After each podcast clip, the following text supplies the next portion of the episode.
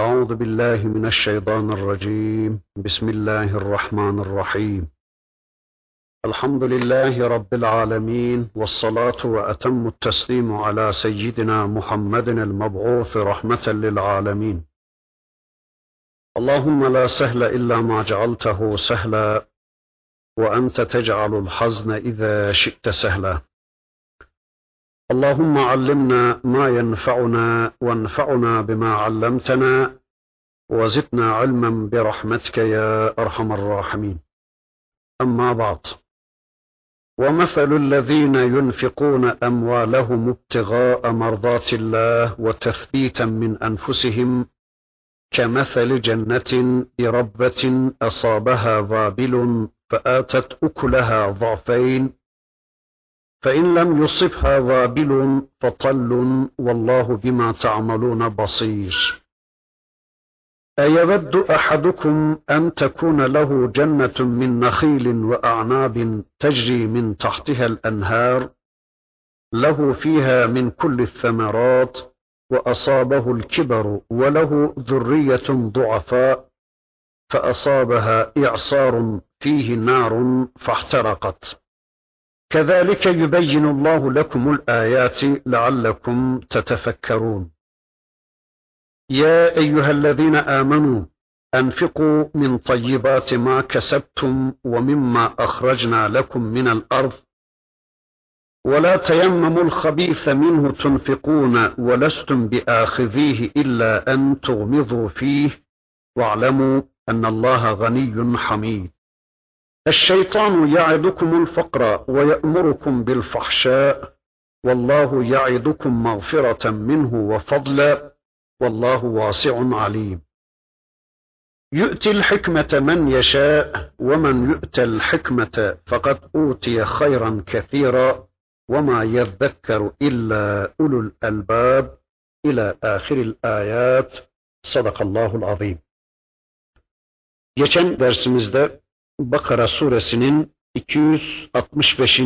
ayetine kadar gelmiştik.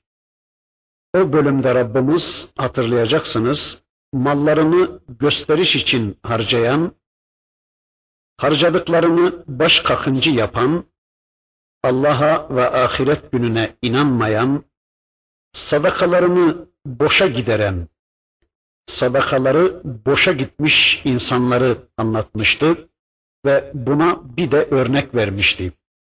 Şimdi bunun tam tersini yapan, yani mallarını Allah yolunda Allah'ın istediği biçimde harcayan Müslümanları anlatacak Rabbimiz, onlar için de bir örnek verecek.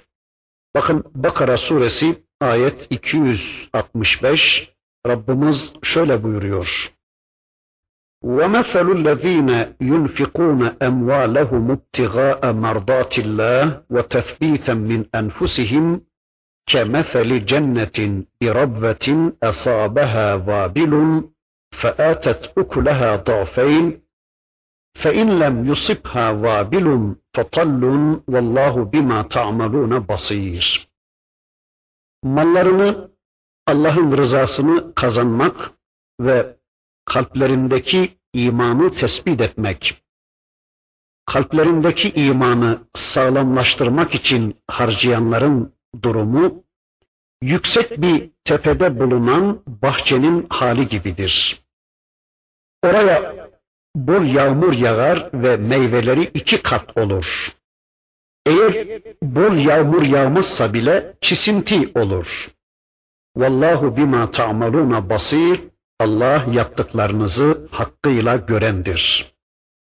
Evet, mallarını Allah için harcayanlar, Allah'ın rızasını kazanmak için ve kalplerindekini ortaya koymak için, yani mümin olduklarını ispatlamak için ya da kalplerindeki imanlarını amele dönüştürerek bu imanlarını kuvvetlendirmek için sadaka verenler. Buradaki ve tethbiten min enfusihim nefislerindekini tespit için verenler ifadesinin birinci manası işte budur. Yani kalplerindeki imanlarını ortaya koymak için Yani mümin olduklarını ortaya koymak, mümin olduklarını ispatlamak için ya da kalplerindeki imanlarını eyleme dönüştürerek, amele dönüştürerek bu imanlarını kuvvetlendirmek için sadaka verenler. Ve tethbiten min enfusihim. Bunun bir ikinci manası da bakın şöyledir. Sadaka, sıdık, sadakat, tasdik hep aynı kökten gelir. Bakara suresinin önceki ayetlerinde de bu konuda bir şeyler demeye çalışmıştım. Tasdik imanın eylemidir. Tasdik imanın ispatıdır. Yani malının tümünün Allah'a ait olduğuna inanan kişi mümindir. Ama bu imanı eyleme geçirerek Allah'a ait olduğuna inandığı bu malını Allah yolunda sadaka vererek harcayan kişi de tasdik ehlidir. Yani sıddıktir. Hani peygamberimizin sadaka burhandır diye bir hadisi vardı. Herhalde o hadis de bu hususu anlatır. Yani sadaka vermek malın ve canın Allah'a ait oluşunun kabulü demektir. Ya da malın ve canın Allah'a ait oluşunu kabulün delili demektir. Malının ve canının Allah'a ait olduğuna inanan kişi mümindir. İşte bu kişi malında ve canında Allah'ı söz sahibi bilmiştir. İşte bu imanını pratize etmek üzere bu imanını eyleme dönüştürmek yani imanını ispat etmek üzere eğer Allah'ı söz sahibi bildiği malını ve canını Allah yolunda Allah'ın istediği biçimde Allah kullarına harcama kavgası içine girerse işte bu kişi içindeki imanını ortaya koymuş demektir. İmanının tasdikçisi, imanının eylemcisi olmuş demektir. Müminler mallarını ve canlarını Allah yolunda kullanarak, Allah yolunda harcayarak sadakalarını ortaya koyarlar. Yani sadakatlerini ortaya koyarlar. Yani imanlarının sadakatini ortaya koyarlar. Öyleyse sadakat insanın mal yönündeki imanını doğrulayan bir husustur. Öyleyse ayetin bu bölümüne şöyle mana vereceğiz. وَتَثْبِيتًا مِنْ اَنْفُسِهِمْ Onlar imanlarının mal yönündeki imanlarının doğruluğunu ortaya koyarlar. yani bu konudaki imanlarının tasdikini ortaya koyarlar demektir. Ya da bu bölümün ve tefbiten min enfusihim bölümünün bir üçüncü manası da bakın şöyledir. Bunlar Allah için sürekli verme konusunda sebat ehli olabilmeyi becerebilmek için verirler demektir. Yani kendilerini sürekli vermeye alıştırabilmek için infak ederler. Bir bakıma nefis eğitimi adına verenler demektir. Yani nefislerini iman üzerine sabit kılmak için mallarını ve canlarını Allah yolunda feda ederler. Zira mal ve can Allah yolunda fedaya hazır olmadıkça insanların nefislerinin iman üzerine sabit olması mümkün değildir. Kişi Allah'ın kendisine verdiği malı ve canı o malın ve canın sahibinin yolunda feda etmeli ki ya da fedaya hazır olmalı ki o kişinin imanı sebat üzere olsun, sabit olsun anlamına gelecektir. Ya da bunun bir dördüncü manası sonuçtan kesin olarak emin oldukları halde verirler demektir. Yani verene Allah'ın kat kat vereceği konusunda emin olarak verir o müminler. Bu konuda en küçük bir şüpheleri yoktur. Yani verene Allah'ın kat kat vereceği konusunda o Müslümanların en ufak bir tereddütleri, en küçük bir şüpheleri yoktur. Verene Allah'ın daha fazlasını vereceği konusunda emin olarak verirler. Nitekim Leyl suresinde Rabbimiz bu hususu bakın şöylece anlatıyordu.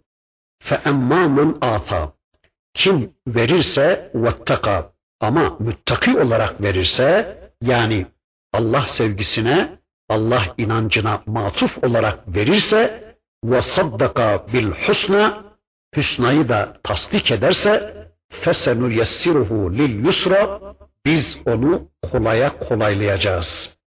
Evet bakın bu ayeti kelimesinde de Allah diyor ki içinizden kim verirse Allah'ın verdiğini verirse yarım ekmek, çeyrek ekmek, bir hurma, yarım hurma verirse Allah güç mü verdi? Onu Allah'a verirse, Allah yolunda harcarsa, Allah akıl mı verdi? Onu verirse, boş zaman mı verdi Allah ona?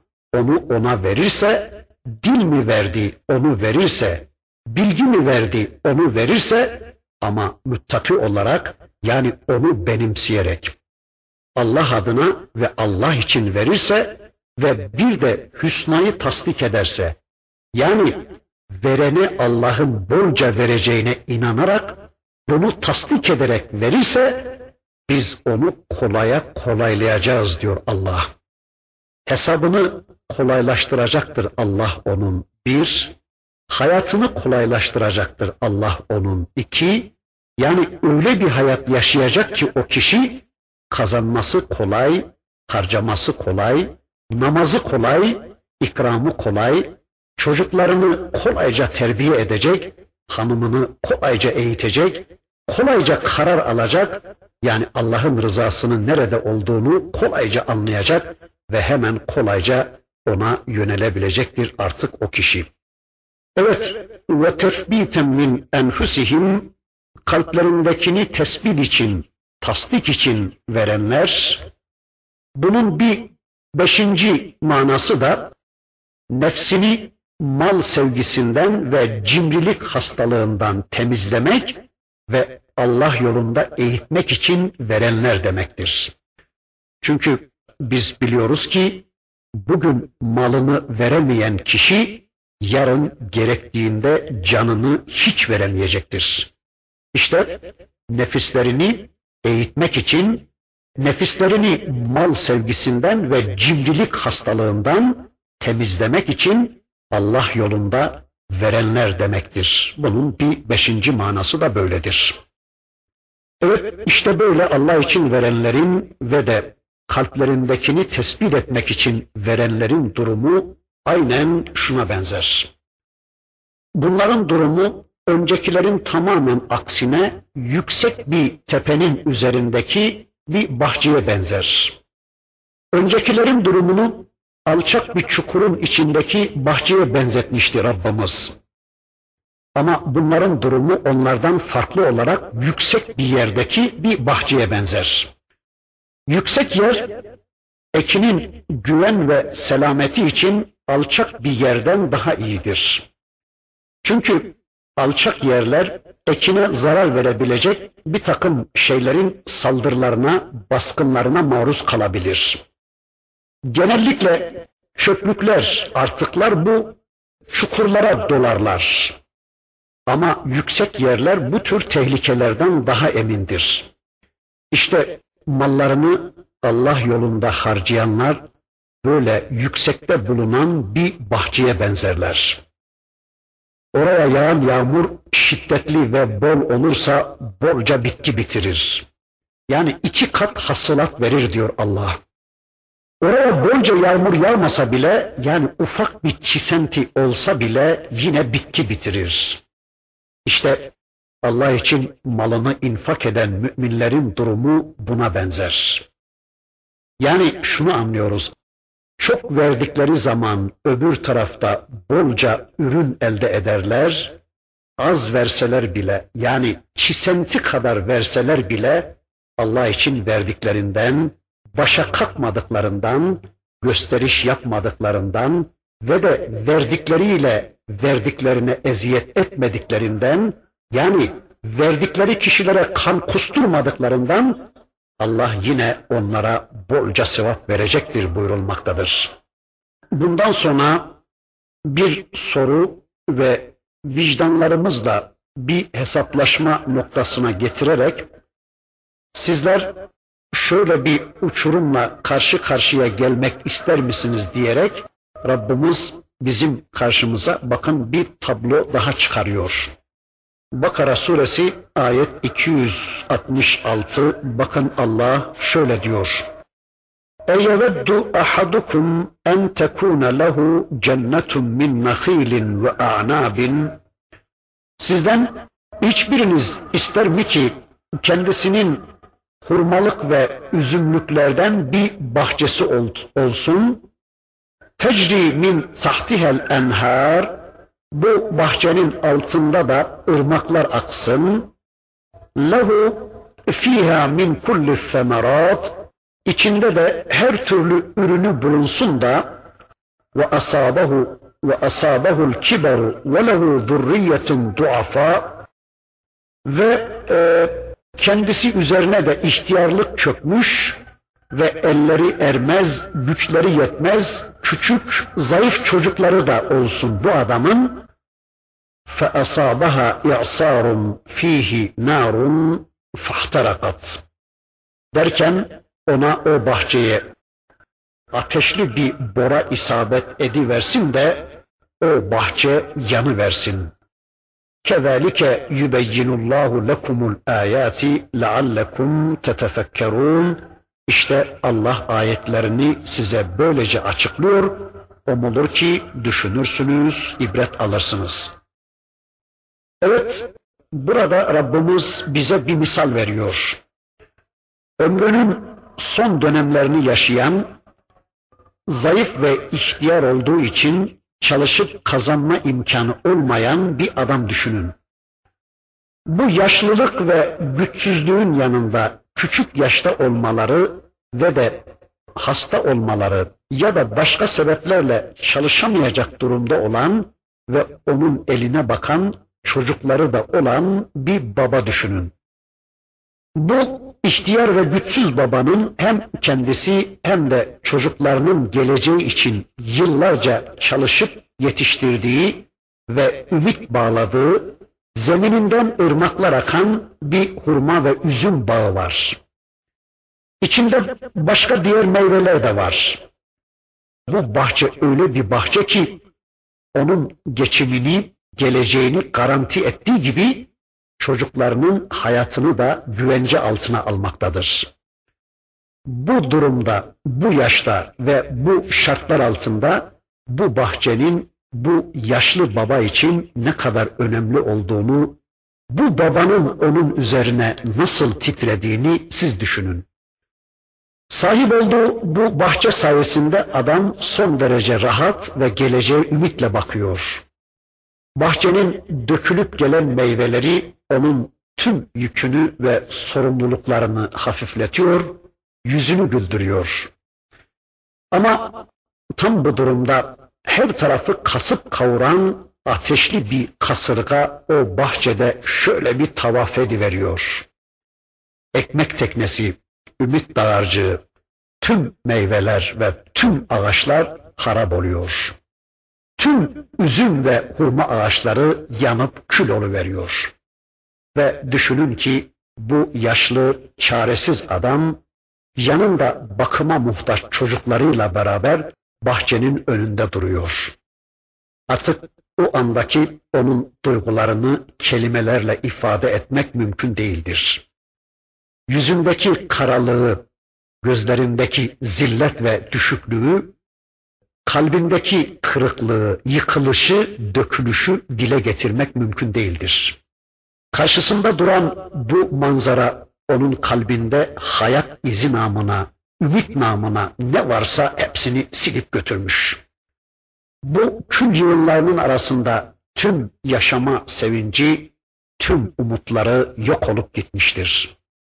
Yaşı çok ilerlemiş olduğu için yeniden imar etme, yeniden çalışıp kazanma imkanı da kalmamıştır. E, şimdi ne yapsın bu adam? Allah buyurur ki işte böyle ihtiyarladığınız, çalışıp yeniden kazanma imkanınızın kalmadığı, çağınızın geçtiği bir döneminizde bütün hayatınız boyunca çalışıp kazandığınız şeylerin bir anda yok olup gitmesini ister misiniz? Böyle bir şey içinizden isteyen bir insan çıkar mı? Yani içinizden kim ister bunu? İşte böyle bir tabloyu gözünüzün önüne getirin dedikten sonra Rabbimiz bakın karşımıza ikinci bir tablo daha çıkarıyor. Yani bir ömür boyu çalışıp çabalayıp ameller işleyip öbür tarafta cennet ümit eden bir adam düşünün. Çok şeyler harcamış, çok çalışıp çırpınmış, çok ameller işlemiş, çok değerli şeyler vermiş, infakta bulunmuş, ağlayanları güldürmüş, yetimlerin başını okşamış, fakirlerin sofralarını doldurmuş, kurslar yaptırmış, yurtlar kurmuş, yollar, köprüler inşa ettirmiş. Böylece bu yaptıklarıyla cenneti garanti etmenin sevincini yaşamaktadır. Fakat öbür tarafta çok ciddi bir hayal kırıklığıyla karşı karşıya gelmiş. Tüm bu yaptıklarının imansızlık, riya, gösteriş, başa kalkma ve eziyet fırtınalarıyla havaya savrulduklarını ya da yanıp kül olduklarını görünce, yani eline hiçbir şeyin geçmediğini görünce, bu adamın ne hale geleceğini siz bir düşünün diyor Allah. Tıpkı önceki tablodaki yaşlanmış ve çalışıp kazanma imkanı kalmamış adam gibi, bunun da kıyamet günü tekrar çalışıp amel işleme, Allah'ı hoşnut edecek ibadetler yapma imkanı da kalmamıştır. Yani geriye bir daha dönme imkanı kalmamıştır. İnfak edecek paranın olmadığı, ibadet edecek fırsatın kalmadığı bir günde tüm yaptıklarınızın dünyada kaldığını, dünyalık adına yaptığınız için öbür tarafa intikal etmeyerek dünyada kaldığını ya da işte önceki ayetleri hatırlayın, riya, gösteriş, başa kalkma gibi sebeplerle boşa gittiğini, hiçbir işe yaramadığını görünce aynen bu yaşlı adamın durumuna düşeceksiniz diyor Allah. Akıllarınızı başlarınıza alın, infaklarınızı, ibadetlerinizi riya ile, gösteriş ile ya da Allah'tan başkalarının hatırı adına yaparak böyle boşa çıkarmayın. Yarın kıyamet gününde işte bu adam gibi hüsrana mahkum olmayın diye Rabbimiz bizi burada çok açık ve net bir biçimde uyarmaktadır. Sonra da diyor ki bakın kezalike yubeyyinullahu lekumul ayati leallekum tetefekkerun. İşte Allah size böylece ayetlerini açıklıyor ki leallekum tetefekkerun düşünesiniz diye, ibret alasınız diye. Eğer bu dünyada Allah'ın ayetleriyle birlikte bir hayat yaşamaz, Allah'ın ayetlerinden ve uyarılarından uzak bir hayat yaşar, Allah'ın ayetlerine karşı vurdum duymaz bir tavır takınır, onlarla iç içe olmaz, Allah'ın ayetleriyle birlikte olmaz ve bunun tabii sebebi olarak da Allah'ın sizden istediği biçimde infak etmezseniz, yani maldan, candan, bilgiden, boş zamandan, bedenden Allah namına infakta bulunmazsanız, Allah'ın verdiklerini Allah yolunda harcamazsanız, tüm hayatınızı, gençliğinizi ve enerjilerinizi bu dünyada kalacak biçimde harcar, ahiretiniz için bir yatırımda bulunmazsanız, aynen bu adamın durumuna düşeceksiniz. Bunu bir saniye bile unutmayın, bir an bile hatırınızdan çıkarmayın. Bu inançla, bu beklentiyle yaşayın diyor Rabbimiz. Evet, imansızlık, riya, gösteriş, başa kalkma ve eziyet verme amelleri işte bu hale getirecektir. Yani bunlar kıyamet günü tüm amelleri boşa çıkaracak ve sahiplerine çok büyük bir pişmanlık ve hüsran tattıracaktır. Hem de kıyamet günü insanın hiçbir şeye sahip olmadığı ve de cennete girebilmek için onlara en çok muhtaç olduğu bir anda Allah korusun tüm ameller boşa çıkacaktır. Evet, bundan sonra Bakara suresi 267 yine infakı konu eden bir ayeti kerime.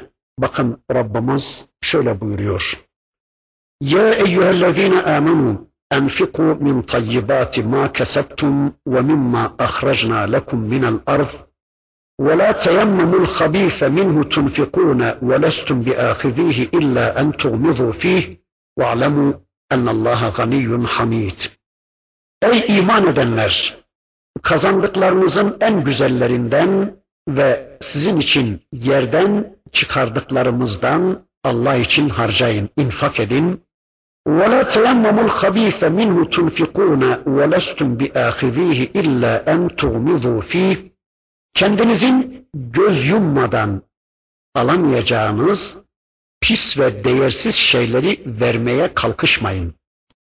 وَعْلَمُوا اَنَّ اللّٰهَ غَنِيٌّ حَمِيدٌ İyi bilin ki şüphesiz Allah ganidir, Allah zengindir, Allah hamiddir, Allah övülmeye layık olandır.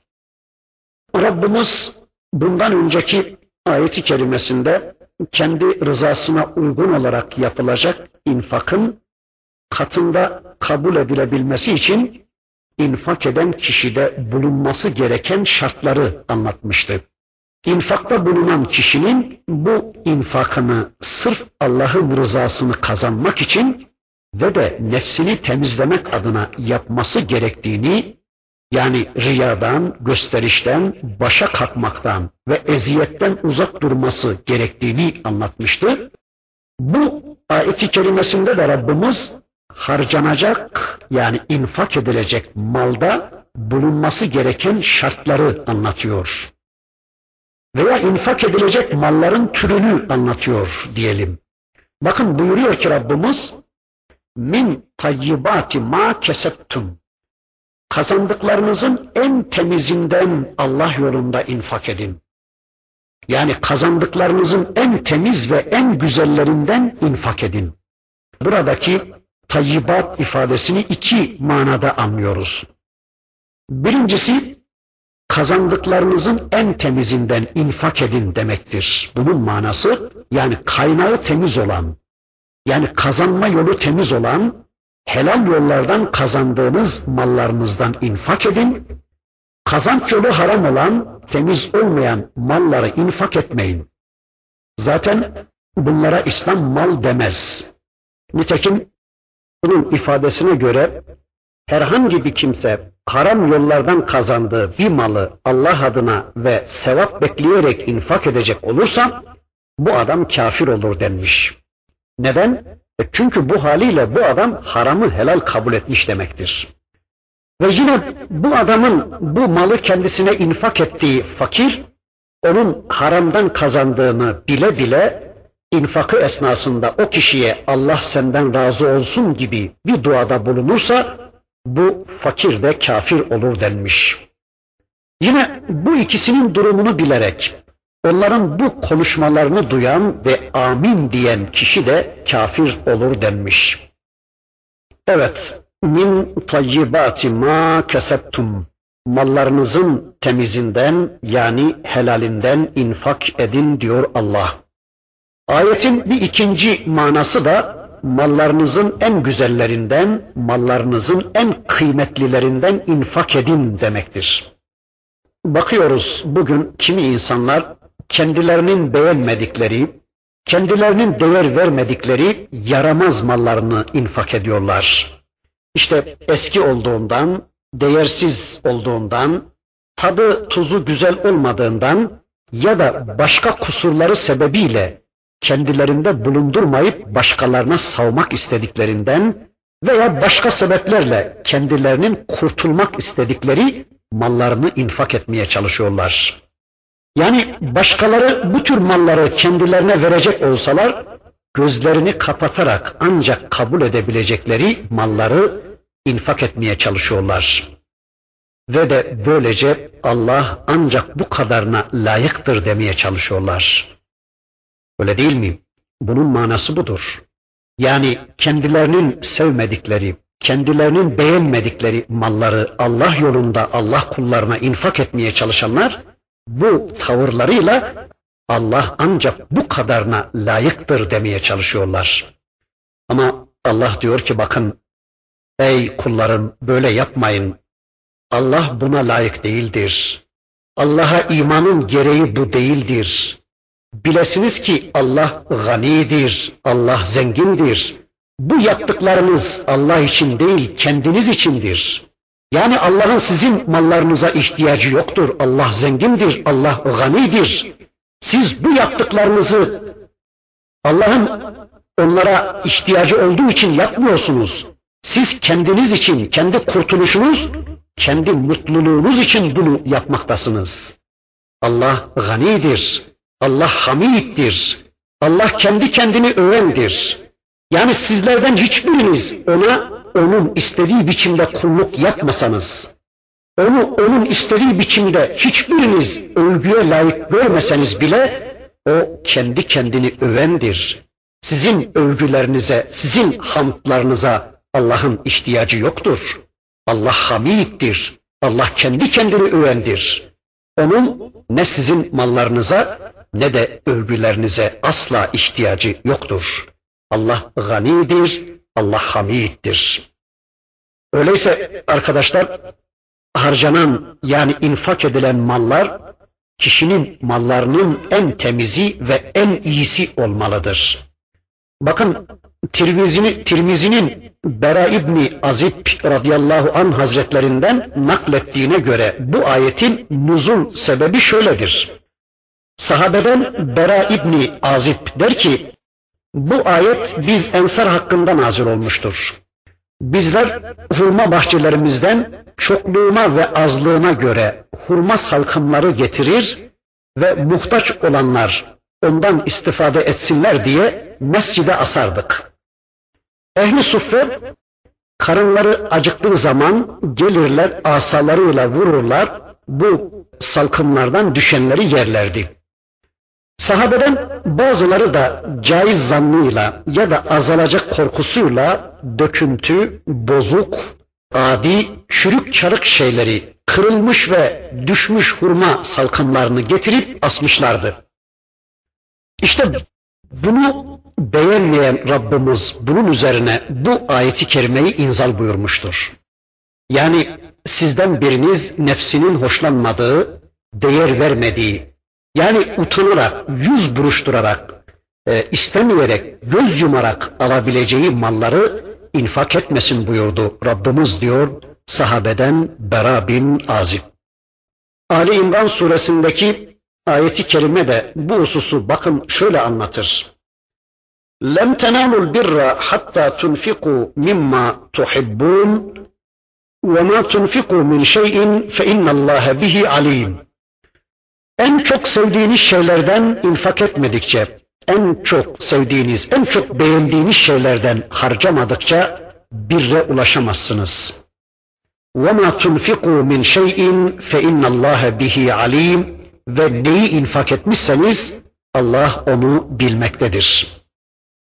En çok sevdiklerinizi Allah yolunda infak etmedikçe, en çok sevdiğiniz şeyleri harcamadıkça, en çok sevdiklerinizi elinizden çıkarmadıkça, onlardan vazgeçmedikçe birre ulaşamazsınız, ebrar olamazsınız diyor Rabbimiz.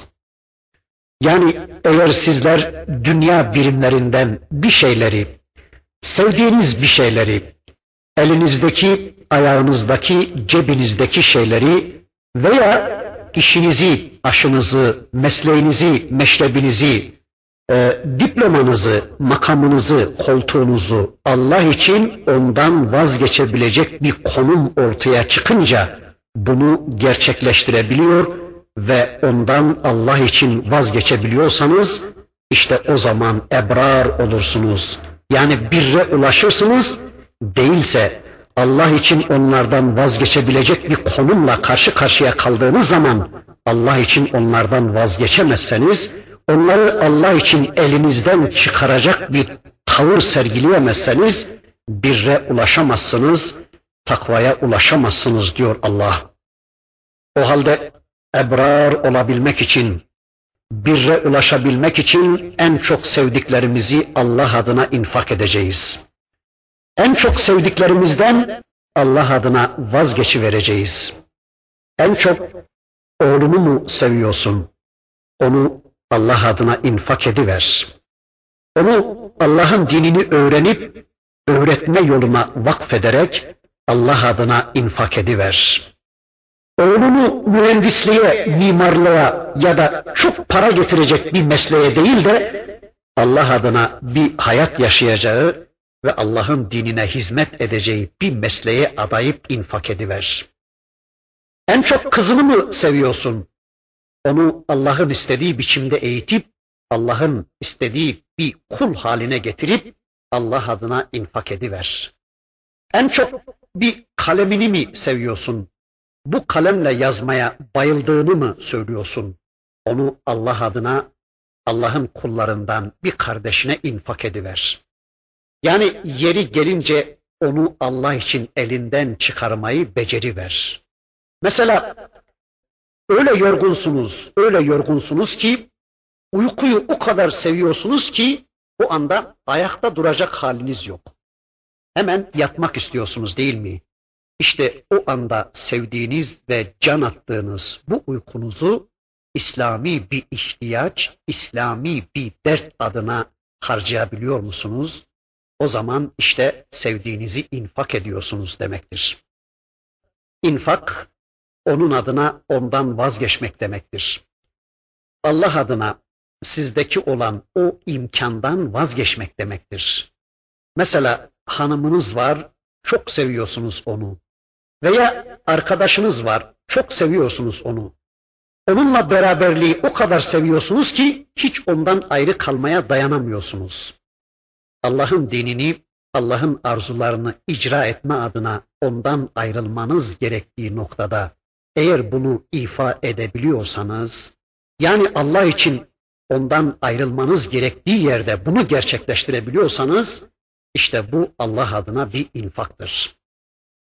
Hanımlarımız, arkadaşlarımız, sevdiklerimiz, seveceklerimiz, evimiz, barkımız, makamımız, konumumuz, mesleğimiz, dükkanımız, okulumuz, diplomamız, doktoramız bizim için bizim Allah'a kulluk ortamımıza engel oluşturacak bir noktaya gelmişse bunların tümünden vazgeçmemiz infaktır ve işte o zaman biz birre ulaşacağız demektir, takvaya ulaşacağız demektir, Allah'ın rızasına ulaşacağız demektir. Evet, infak bizim kalben, ruhen, bedenen, sosyal biçimde, e, ekonomik biçimde ya da aile biçiminde meylettiğimiz, sevdiğimiz, onunla iç içe olmak istediğimiz tüm sevgi unsurlarına infak gözüyle bakabiliyor, onları Allah adına harcayabiliyorsak o zaman işte birre ulaşabileceğiz demektir. Mesela öğleyin saat 1 ile 2 arasında uyumayı çok mu seviyorsunuz? O zamanı Allah adına birilerine ayet anlatmaya, hadis anlatmaya tahsis edip Allah adına infak ediverin. Veya o saatte bir Müslümanın bir derdi mi çıktı hemen koşup Allah adına infak ediverin. Veya en çok sevdiğiniz bir malınızı veya en çok sevdiğiniz yemeğinizi infak ediverin. Bakın Rabi bin Enes kendisine gelenlere hep şeker ikram edermiş. Bunun sebebini kendisine soranlara da ben bunu çok seviyorum. Ben şekeri çok seviyorum. Rabbimin de en çok sevdiklerinizden infak edin buyurduğunu biliyorum. Onun için şeker ikram ediyorum buyurduğunu rivayet ederler. De, devenin ciğerini çok seven bir sahabi de gelen misafirlerine hep ondan ikram edermiş.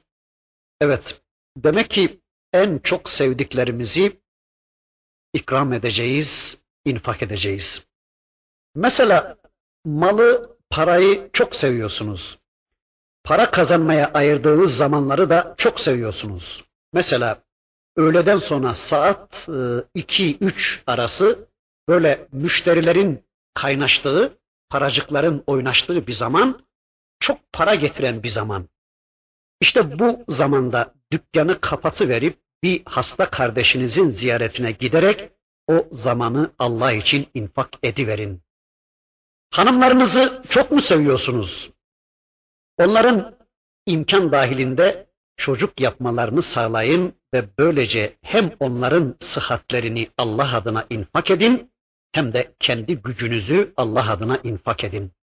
Veya gazeteden, işte TV'den haber öğrenme zamanlarınızı Allah'tan haber öğrenme adına Kur'an ve sünnete ayırın ve böylece infak ediverin. Evet, en çok sevdiklerinizi Allah yolunda infak edin. Biz bugün elimizde ne varsa onu Allah yolunda kullanalım, Allah adına infak edelim, Allah'ın istediği yerde harcayalım da yarın Allah kerim diyelim. Yarın Allah'ın huzuruna vardığımız zaman da ya Rabbi ne yapayım ben bu kadarını becerebildim. Sen verdiğin ben dağıttım. Sen verdiğin ben harcadım. Sen verdiğin ben imkan dahilinde sana kulluğa sarf ettim. E şimdi de senin huzuruna geldim. Şu anda elimde avucumda olsaydı senin hatırına yine verirdim. Ama şu anda mal da senin, mülk de senin. Para da senin, altın da senin, gümüş de senin diyecek. Böylece Rabbimizin o andaki merhametini, rahmetini tecelli ettirecek bir konuma gelmeliyiz inşallah. Bakın ayeti kerimede min tayyibati ma kesebtum ve mimma ahracna lekum minel ard buyuruluyor. Yani kazandıklarınızdan ve de sizin için yerden çıkardıklarımızdan ve mimma ahracna lekum minel ard sizin için yerden çıkardıklarımızdan infak edin diyor Allah. Kazandıklarınız ifadesinden kasıt ticaret vasıtasıyla kazanılan mallar demektir. Bu açık.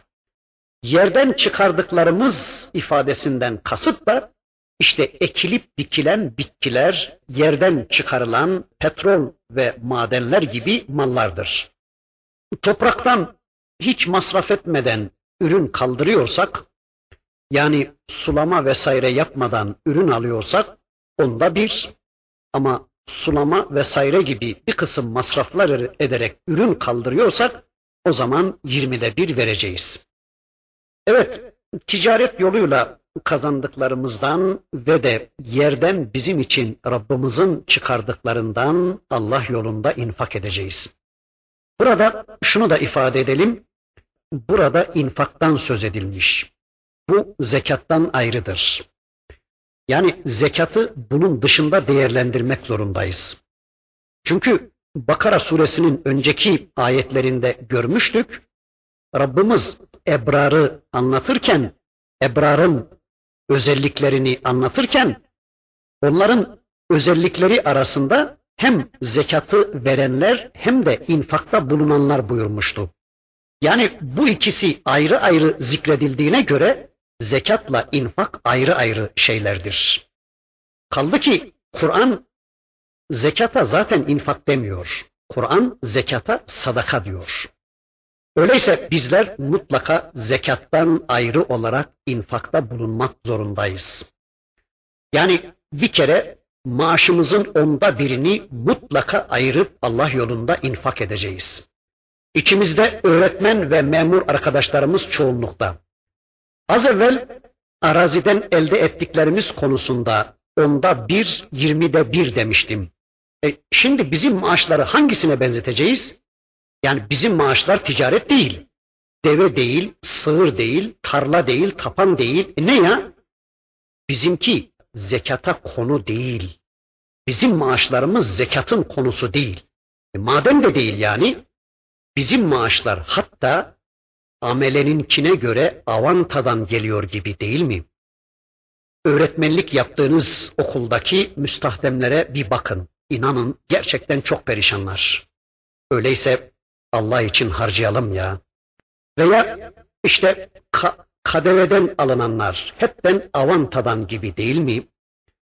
Arada bir böyle beklemediğiniz zamanlarda avantadan paralar geliyorsa onun da bir beşte birini ayıralım, Allah yolunda infak edelim. Çünkü zaten yoktu bu hesapta.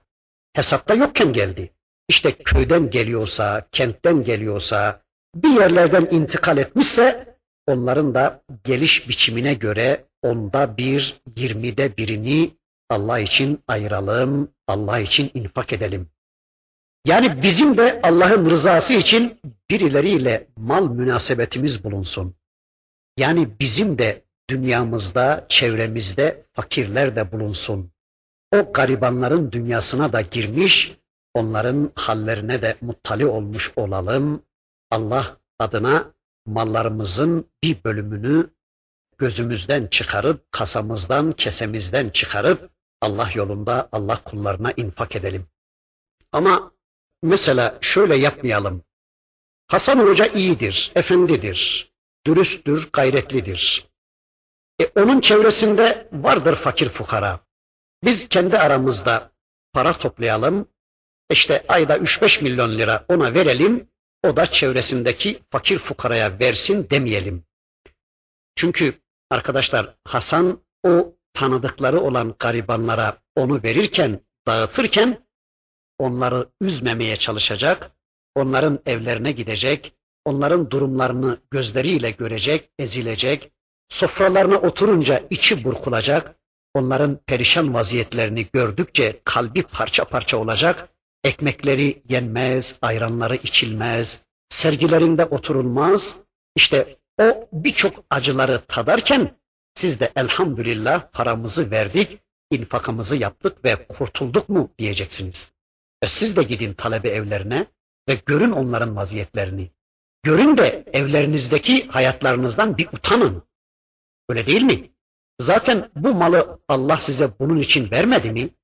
Yani Allah sizi bizzat o malla imtihan etmek isterken, yani onun sorumluluğunu bizzat Allah size yüklerken, bunun tamamen aksine siz bu görevi başkalarına aşırmayın. Her Müslüman kendisi Allah beni bu malla imtihana layık görmüş. Allah bana bu malı göndermiş. Madem ki Allah bana mal vermiş ve beni bu malla imtihan etmeyi murad etmiş, öyleyse ben de Allah için bu imtihanın hakkından geleceğim diyerek e, herkes uğraşmak zorundadır değil mi? Herkes gidecek. Ben gideceğim garibanların evine, fakirlerin evine. İn ya in insan yaşamaz orada. Ne ekmekleri yenir ne suları içilir. Benim yüreğim parça parça olacak. Öteki Müslüman da e, lüks hayatına devam edecek. Hiç fakir fukaranın hayatına inmeyecek. O bana parayı verecek. Ben dağıtacağım. O rahat keyfini sürdürecek. Olmaz böyle şey. Herkes gidecek. Herkes o garibanların hayatına muttali olacak. Onların yaşantılarıyla, onların hayatlarıyla kendi hayatları arasında bir mukayese yapma imkanı bulacak Müslümanlar. Bir de şunu söyleyeyim burada. Elinize kaç lira geçiyorsa hemen o anda parayı alır almaz hemen Allah için harcayacağınız miktarı belirleyip ayırmazsanız sonra mümkün olmuyor. Yani 5 milyon mu aldınız? Onu 4 milyon kabul edin. Aldığınızı o kadar kabul edin. Tamam gerisini infak edin. İnfak edelim inşallah. Değilse o anda yapmazsak sonradan yapamıyoruz, sonradan beceremiyoruz. Evet, bundan sonraki ayeti kerimesinde Rabbimiz insanları bu konuda şeytanın saptırdığını, şeytanın insanları infaktan alıkoymaya çalıştığını ya da mallarının en kötülerinden, en değersizlerinden vermeye teşvik ettiğini, işte korkuyla, açlıkla onları tehdit ettiğini anlatarak, bakın Bakara suresinin 268. ayeti kerimesinde Rabbimiz şöyle uyarıyor. الشيطان يعدكم الفقر ويأمركم بالفحشاء والله يعدكم مغفرة منه وفضلا والله واسع عليم. Şeytan sizi verirseniz fakir düşersiniz diye korkutur.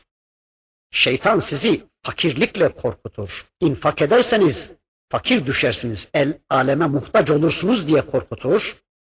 ve size fuhşiyatı emreder, fahşayı emreder. Vallahu ya'idukum mağfireten minhu ve fadla vallahu vasi'un alim. Allah da size kendisinden bağışlama ve bolluk emreder. Allah vasidir, vasidi, vasidir. Allah bilendir. Vallahu vasi'un alim. Rabbimiz bu ayetinde çok açık bir şekilde ifade ediyor ki şeytan Allah yolunda infak etmek isteyen müminleri sürekli fakir düşmekle korkutur, açlıkla korkutur ve onlara cimriliği emreder. Eğer bolca verirseniz, eğer mallarınızın en iyisini verirseniz fakir düşersiniz. El aleme muhtaç olursunuz diyerek insanları şeytan korkutmaktadır. İnsan bu konuda şeytanın ihvalarına kapılır. Onun direktiflerine uyar, onu sevindirir ve infaktan vazgeçerse Allah korusun bu alçağı sevindirmiş ve Allah'ı da darıltmış olur. Ama maalesef bakıyoruz bu konuda insanların öne sürdükleri en büyük mazeret efendim işte bolca verirsek mallarımızın en değerlilerinden verirsek o zaman mallarımız eksilecek, ekonomik gücümüzü kaybedecek ve fakir düşeceğiz. Çünkü Allah için harcama yapmak zahiren bu malın eksilmesi demektir. İşte şeytan insanın bu zaafını çok iyi bildiğinden ona buradan yaklaşmakta ve onun Allah yolunda infakta bulunmasını engellemeye çalışmaktadır. Yeter be kardeşim, her şeyini verip de el açacak duruma gelecek değilsin ya. Herkes senin kadar verseydi bu toplumda fakir mi kalırdı? E sen sana düşeni yaptın, sen sana düşeni çoktan yaptın gibi vesveselerle insanların infakta bulunmalarını engellemeye çalışmaktadır. Alçak şeytan, Allah ona dikkatimizi çekiyor. Şeytan insanları böylece infaktan alıkoymaya, cimriliğe teşvik etmeye çalışırken Allah da onun tamamen aksine bize bolluk ve mağfiret vaat etmektedir. Rabbimiz nefsin ve şeytanın bu tür arzularına karşı gelerek en çok sevilen malları kendi rızası yolunda harcamamızı emrediyor. Verenlere hem dünyada hem de ahirette daha fazlasını vereceğini vaat ediyor Rabbimiz. Rabbimiz dünyada kendi rızası uğrunda mal harcayanlara yaptıklarının karşılığında dünyada ayıplarını, kusurlarını, günahlarını örterek rızıklarını bereketlendirip çoğaltarak ahirette de günahlarını bağışlayarak ayıplarını, kusurlarını örterek mükafatlar vaat etmektedir. Bakın Ebu Hureyre'nin rivayet ettiği bir hadislerinde Allah'ın Resulü buyurur ki kulun sabahladığı her gün iki melek iner ve birisi Allah'ım infak edene karşılığını ver diye dua eder. Diğeri de Allah'ım cimrilik edene telef ver. Vermeyip de tutanın malına telef ver ya Rabbi diye dua eder buyuruyor. Bukhari ve Müslim hadisi şerifi bize naklediyor. Evet, verene Allah mutlaka daha fazlasıyla mukabelede bulunacaktır. Ben öyle bir Müslüman biliyorum. Önce kiradaydı. Bir evim olursa inşallah onu mutlaka Allah yolunda infak edeceğim diyordu. İlk evi kooperatifte bitti. Arkadaşları otururken o kendisi evi sattı, marka çevirdi ve Allah için onu harcadı biliyorum ben. İnanın ben şahidim ki Allah ona iki daha ev verdi. İki ev daha verdi. Hem de öyle verdi ki kendisi hiç emek sarf etmeden başkasına yaptırdı ve şimdi oturuyor orada. Kaldı ki adam buna iman etti mi tamamdır yani. Allah verene vereceğim diyorsa elbette verecektir. Bunun için örneğe de gerek yoktur yani. Allah bize çok veriyor. Bize göre verdiklerinden az verdiklerine biz de verelim arkadaşlar. Ve şuna kesinlikle inanalım ki verdiğimizden çok daha fazlasını Allah bize verecektir. Allah adına elimizden çıkardığımızın çok daha değerlisini, çok daha güzelini Allah bize verecektir. Bu konuda en ufak bir tereddüdümüz, en küçük bir şüphemiz olmasın. Bolca verene Allah bereket verecektir. Mesela misafir geliyor bir eve, ev sahibi ikram ediyor. Bir şeyler yiyip içiyor ve zahirde bir şeyler eksiltiyorlar o evden. Veya adam malının kırkta birini veriyor zekat olarak ve zahiren adam malını eksiltiyor. Veya memur aldığı maaşın onda birini almadım sayıyor, infak ediyor. Tüm bunlar zahiren malın eksilmesi gibi görünse de aslında bu adamın geriye kalan malı ona çok rahat yetiyor. Yani Cenab-ı Hak ona birinci olarak iktifa anlayışı veriyor. Yani istığna duygusu veriyor. Yani dünyaya karşı eyvallahsızlık ve yeterlilik duygusu veriyor. İkinci olarak da onun eşyalarına dayanma özelliği veriyor Allah. Yani ayakkabısı bir yıl dayanacakken iki yıl dayanı verir. Elbisesi iki yılda eskiyecek yerde beş yıl dayanı verir. İnfak etmeyenlerin arabası tamirhaneden çıkmazken onun arabasına Allah dayanıklılık veri verir. Berikisinin hanımı ve çocukları hastaneden çıkmazken infak eden kişinin hanımına ve çocuklarına Allah sıhhat veri verir ve onunki ona bolca yeti verir. İşte buna bereket denir. Allah bunu dilediklerine veri verir. Ama bunu herkes anlayamaz. Bunu ancak kendilerine Allah'ın hikmet, hikmet verdikleri anlayabilir. Zaten Rabbimiz bundan sonraki ayeti kerimesinde bu hususu anlatmaya başlayacak. Vaktimiz yine doldu. İnşallah burada kalalım. Gelecek dersimizde yine bir şeyler söyledikten sonra Rabbimizin öteki ayetlerini hep birlikte tanımaya geçmek üzere. Velhamdülillahi Rabbil Alemin.